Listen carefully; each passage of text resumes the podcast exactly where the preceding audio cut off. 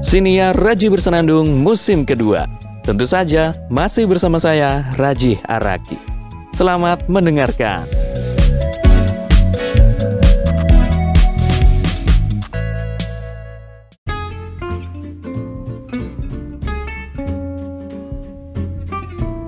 Eh, gini-gini, saya pernah juga menang dalam kompetisi.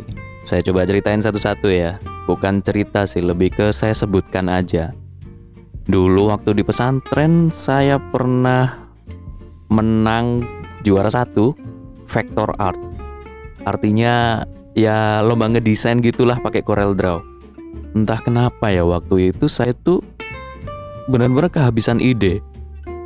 Jadi gini, lombanya itu dalam satu ruangan lab komputer. Orang-orang yang ikut lomba eh, disediakan komputer satu persatu dipersilakan megang komputer satu-satu gitu kan. Saya juga termasuk. Kami dihadapkan dengan Corel Draw. Silahkan mendesain waktunya berapa menit gitu. Waktu itu saya benar-benar kehabisan ide karena belum persiapan juga. Santri men, kami nggak boleh bawa barang elektronik. Kalau kami punya barang elektronik, mungkin kami bisa latihan ya di kamar. Tapi kami nggak boleh, HP aja nggak boleh. Satu-satunya tempat bagi saya dan teman-teman untuk bisa mengakses internet, mengakses komputer, itu ya di lab komputer. Lebih tepatnya semacam rental komputer gitulah. Jadi ada satu tempat yang isinya itu memang untuk komputer, rental komputer. Santri boleh ngetik di situ, eh, internetan di situ. Cuma memang internetnya sangat terbatas ya. Koneksinya juga tidak bisa yang uh, kencang banget. Bener-bener lambat banget. Kami cuma bisa browsing-browsing biasa ngeblog. Kalau Facebook gak boleh. Saya dulu ngakalinya biar bisa Facebookan itu pakai Yahoo Mail. Login ke Yahoo email Yahoo kemudian saya konekkan ke Facebook. Nah, cara koneknya itu sudah saya lakukan semenjak liburan di rumah. Jadi sebelum ke pesantren saya sudah konekin email ke Facebook itu.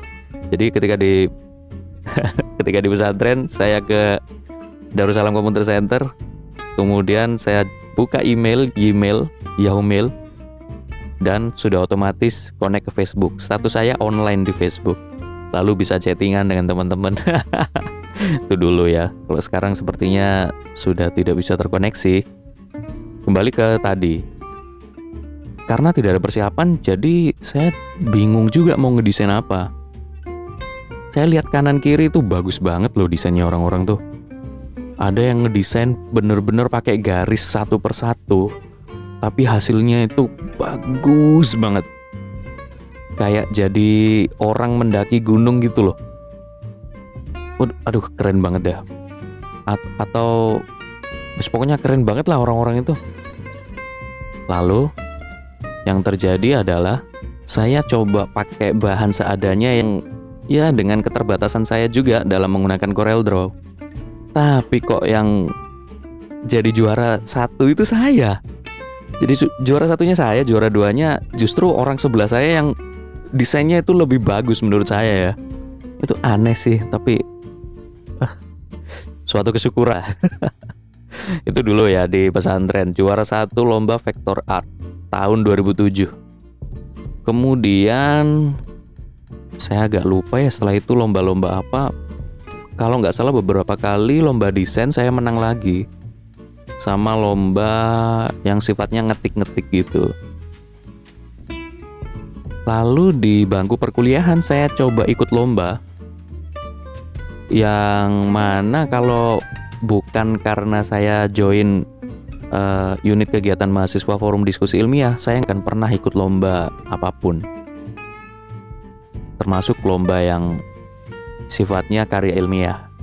Karena saya dulu aktif di unit kegiatan mahasiswa forum diskusi ilmiah UMM, singkatannya UKM FDI UMM, akhirnya saya bertemu dengan teman-teman yang punya semangat besar sekali untuk menghidupkan budaya ilmiah di kampus. Salah satunya adalah dengan um, menggali pengalaman, memperdalam pengalaman di penulisan ilmiah dengan cara ikut lomba-lomba, lomba karya tulis ilmiah, kemudian program aktivitas mahasiswa atau PKM kalau uh, para pendengar pernah tahu ya PKM. Lalu mungkin juga karya ilmiah-karya ilmiah yang diadakan oleh kementerian-kementerian atau lembaga pemerintahan. Pertama kali lomba yang saya ikuti adalah lomba karya ilmiah yang diadakan oleh Dikti. Itu namanya KPKM, Kompetisi Pemikiran Kritis Mahasiswa. Saya ikut sama teman-teman diajak memang, diajak, ayo J ikut ini. Karena uh, waktu itu kondisinya saya tidak ikut beberapa beberapa kegiatan perkaderannya di UKM FDI. Jadi untuk bisa setara dengan orang-orang yang ikut perkaderannya UKM FDI, saya harus ikut lomba karya ilmiah. Terus diajaklah sama senior-senior di FDI untuk ikut lomba karya ilmiah ini. Ya sudah, ikutlah saya. Meskipun bagian saya itu tidak terlalu banyak di pemikiran, karena pemikiran sudah dari beliau-beliau. Saya bagian yang membuat prototype desain gitu. Sehingga ketika presentasi saya tidak banyak ngomong, bahkan tidak ngomong sama sekali. Saya cuma pindah-pindahin slide, kemudian menyiapkan desain bagaimana nanti bentuknya ide yang sudah kami usung di karya ilmiah. Alhasil, juara men. Meskipun juara harapan tapi hmm, rasanya seneng banget. Karena itu pertama kalinya ya saya juara karya tulis ilmiah meskipun bukan individu tapi kelompok tapi rasanya tuh wih bangga banget bisa mewakili kampus. Kemudian karena kami presentasi memang benar mewakili kampus, dibiayai kampus juga, pakai alma mater juga, alma mater UMM. Terus rasanya ketika menjadi finalis, kemudian kami harus berangkat ke eh, waktu itu dari UKM FDI ada dua tim ya, setiap tim ada tiga orang, jadi kami enam orang nih berangkat ke Jakarta dengan biaya yang sudah dibiayain gitu loh. Pakai keretanya kereta eksekutif. Aduh enak banget. Enak banget itu. Pertama kalinya saya uh, lomba. Oh ternyata kalau lomba kemudian jadi finalis itu kayak gini ya. Seneng banget. Ya terus berjalan sampai di Jakarta. Disediakan tempat nginep yang waduh. Wah gokil banget. Hotelnya tuh hotel apa ya? Hotel Regents kalau nggak salah atau apa ya uh, pokoknya hotelnya itu di sebelah Kemenristek pokoknya deket banget. Hotelnya di sebelah Kemenristek kami kalau mau presentasi tinggal turun habis itu ke Kemenristek Kemenristek di sebelahnya. Seingat saya itu gedung namanya Kemenristek ya. Pokoknya di sebelahnya GBK lah. Terus kami presentasi ditentukan juaranya juara harapan. Nggak apa-apa. Hadiahnya lumayan juga 5 juta dibagi tiga orang kami pulang selain bawa duit 3 juta itu, duit transportnya itu juga buat kami. Waduh. Soalnya gini, eh, transport itu dibiayai kampus tapi dengan catatan akan di reimburse oleh Dikti. Karena penyelenggara lombanya Dikti kan.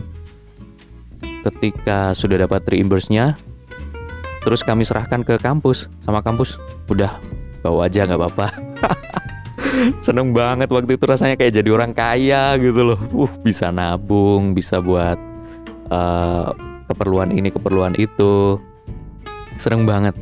Setelah itu saya makin semangat untuk bikin karya ilmiah untuk ikut lomba. Macam-macam lombanya uh, berbagai tingkat. Ada yang tingkat regional ada tingkat nasional. Eh iya nasional ada tingkat regional Malang ada, regional Jawa Timur juga ada. Yang saya juara satu itu eh, dengan kawan saya Dadang Fredianto, dia adalah mahasiswa sosiologi angkatan 2013.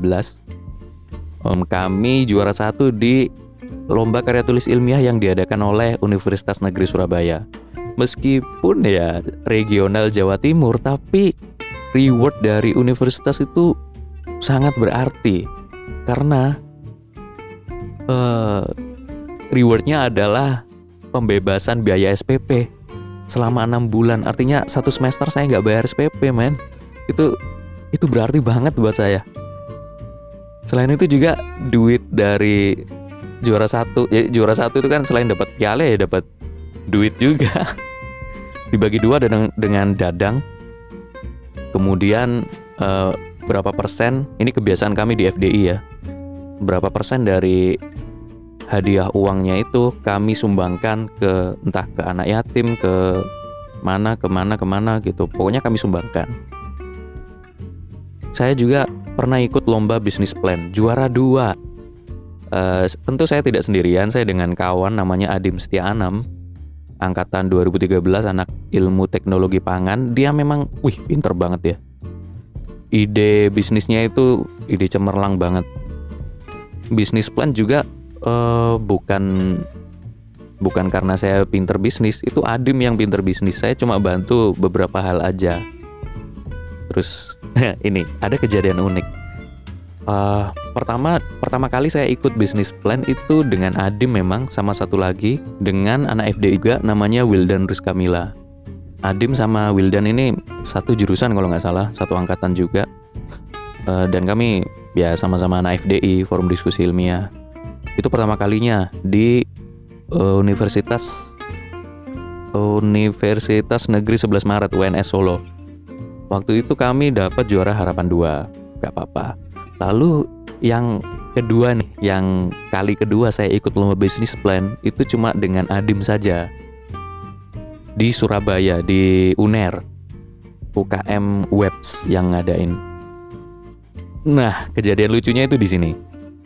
Ketika itu karena kami buru-buru ya berangkat ke Surabaya itu uh, sampai Surabaya saya baru inget kalau kami presentasi itu harus pakai alma mater gitu loh. Aduh gawat. Nah, Adim ini kan anak pinter ya, kreatif gitu. Jadi dia ada solusi. Gini mas, uh, mending Mas Raji pakai batik aja. Bawa batik kan? Iya, aku bawa. Pakai batik, pakai sarung. Maksudnya sarungnya itu diikat gitu. Jadi tetap pakai celana panjang, pakai sepatu, tapi ada tambahan sarung di tengah. Sarungnya ya nggak sampai bawah ya, sampai lutut gitu. Lalu pakai peci, pecinya agak dimiringin. Menurutku, aduh itu malu-maluin banget pakai pakai peci dimiringin. Tapi ada benarnya juga. Sehingga uh, aku memang agak ragu, tapi uh, hanya beberapa menit saja habis itu langsung diiyakan aja lah. Oke oke siap waktu presentasi akhirnya tiba. Kami presentasi, uh, waktu itu ide bisnis kami adalah es krim jahe. kami sampai bawa-bawa Surabaya, artinya bisnis ini itu sangat laku apalagi di Surabaya yang panas sehingga uh, perlu banget penyegaran. Penyegarannya dengan es. Uh, sorry, bukan es krim ya, tapi es puter. Es puter jahe. Emang dibikinnya pakai Aduh, greget banget itu Adim itu sampai punya alatnya loh, alat untuk bikin es puter. Dia sampai uh, waktu itu di lomba yang pertama, lomba bisnis plan yang pertama dengan Adim dan Wildan itu es puter juga. Nah ini yang kedua kalinya pakai es puter juga, tapi beda varian gitu. Kalau dulu uh, es puter tapi pakai pare, yang sekarang es puter pakai jahe. Kemudian selain karena uh, alasannya itu ini di Surabaya panas pasti ini laku gitu yang seger-seger pasti orang suka. Kemudian uh, ada jahenya. Jahe ini menyehatkan.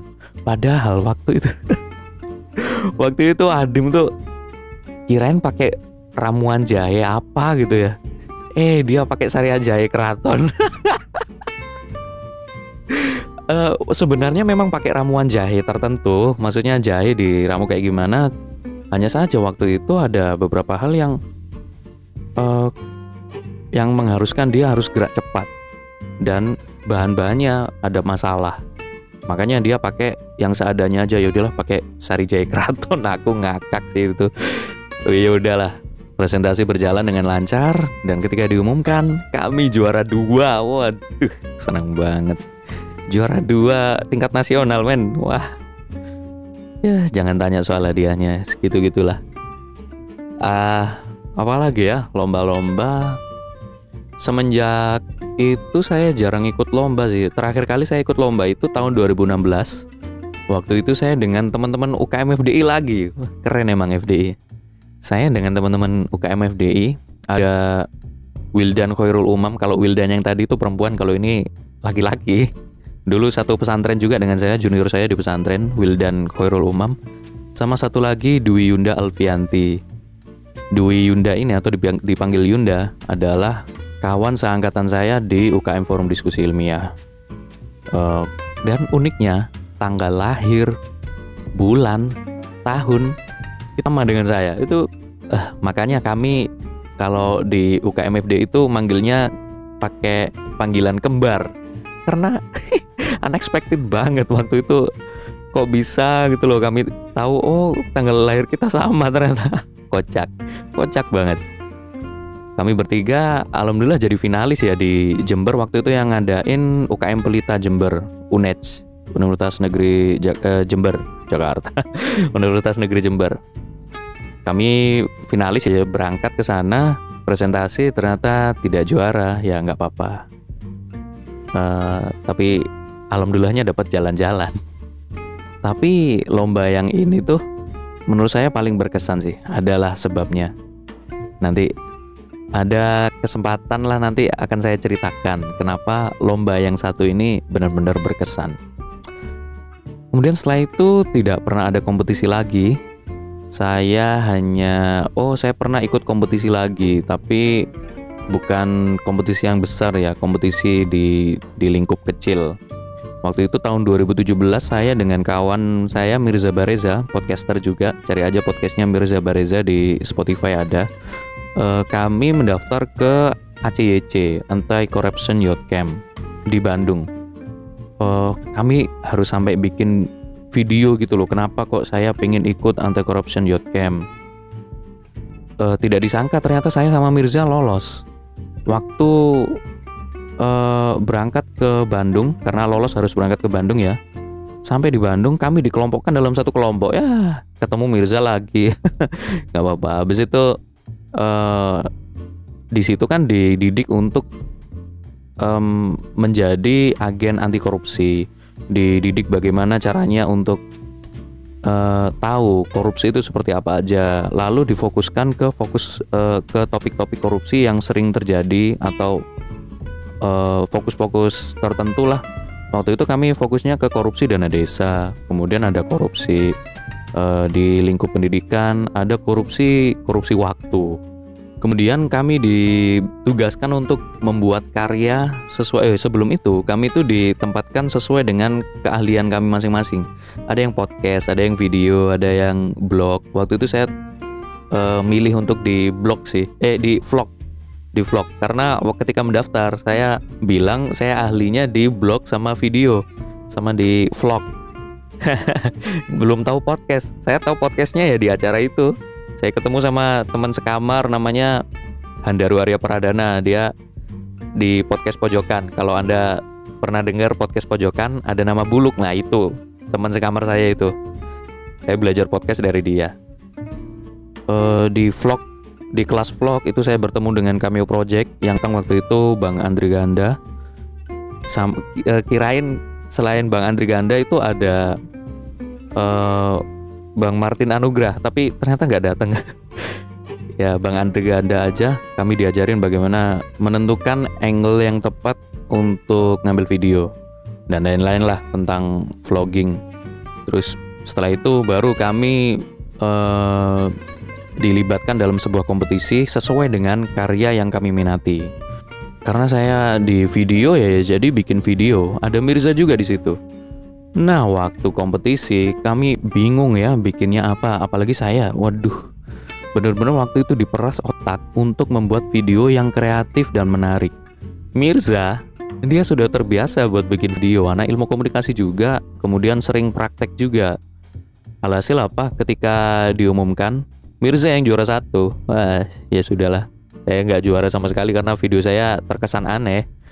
E, meskipun sebenarnya kalau secara ide bagus-bagus aja tapi karena itu mepet dan terpaksa banget makanya jadinya aneh gitu loh oke lah nggak apa-apa itu sepertinya kompetisi terakhir yang saya ikuti setelah itu saya tidak ikut kompetisi-kompetisi lebih ke berkarya saja begitu.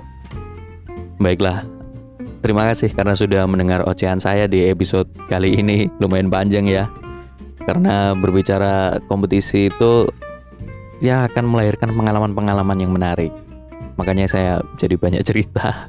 Terima kasih, sampai jumpa di episode berikutnya.